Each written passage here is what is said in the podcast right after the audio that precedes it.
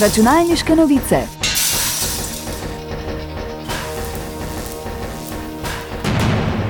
Prisluhnite novostim in zanimivostim z področja računalništva.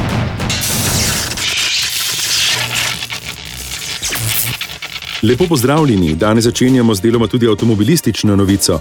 Ferrari za nakup svojih prestižnih vozil v Združenih državah Amerike odslej sprejema kriptovalute. Gre za odziv na povpraševanje bogatih strank in trend vse večjega števila kriptovlagateljev. Ferrari je sporočil, da bodo program razširili tudi v Evropo, kjer imajo nekatere njihove premožne stranke enake zahteve. Večina večjih podjetij se je doslej izogibala kriptovalutam, saj so zaradi volatilnosti bitcoina in drugih žetonov nepraktične za trgovanje.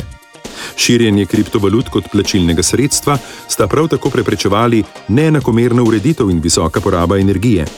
Tudi proizvajalec električnih avtomobilov Tesla, ki je leta 2021 začel sprejemati plačilo v bitcoinih, je projekt zaradi okoljskih pomislekov kmalo ustavil. In zdaj se očitno trend spreminja. Računalniške novice. Xiaomi je nepričakovano naznanil, da bo v naslednjih mesecih upokojil obstoječi operacijski sistem MIUI. Predstavili so ga leta 2010 in v naslednjem desetletju jim je omogočil, da so se povzpeli na sam vrh mobilne telefonije. Kljub uspehu pa je bil ravno operacijski sistem srč pripomp nekaterih uporabnikov, ki so bili nezadovoljni z njegovo zanesljivostjo. Z začetkom prodaje novih telefonov Xiaomi 14 naj bi lansirali novi operacijski sistem HyperOS. Prvi pogledi v nov sistem razkrivajo, da se splošna izkušnja ne bo bistveno spremenila. Za zdaj je bilo razkritih nekaj novih funkcij, manjša predelava grafične podobe in poudarek nove arhitekture na zanesljivosti in brezhibnosti.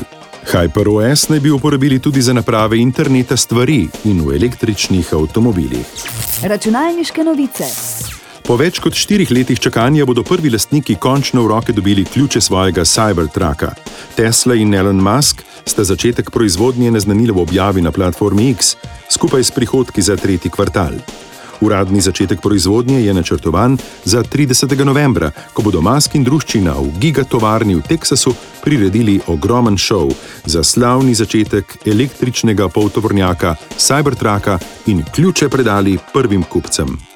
Novica o začetku prodaje Cybertrucka je bila za Teslo prepotrebna. Podjetje je razkrilo, da beleži 44-odstotni padec dobička v primerjavi z enakim obdobjem lanskega leta.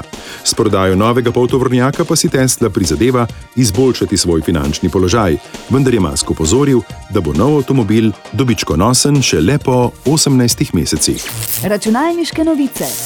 Hrvaško energetsko podjetje je odkrilo podvodno jezero super ogrete vode, ki bi lahko zagotavljalo čisto geotermalno električno energijo v severnem delu države. Odkritje je rezultat dveletne raziskave državne energetske družbe Bukotermal, ki je iskala primerne lokacije za izkoriščanje energetskega vira, ki ga ustvarja toplota iz jedra Zemlje. Raziskava je potrdila prisotnost geotermalnega vodnega vira, ki se nahaja v občini Varaždin, blizu meje z Mačarsko. Podzemno jezero, ki se nahaja na globini 2,4 km, ima povprečno temperaturo 142 stopinj Celzija. Območje izpolnjuje vse pogoje za gradnjo geotermalne elektrarne moči 16 MW, kar je dovolj energije za oskrbo več deset tisoč domov.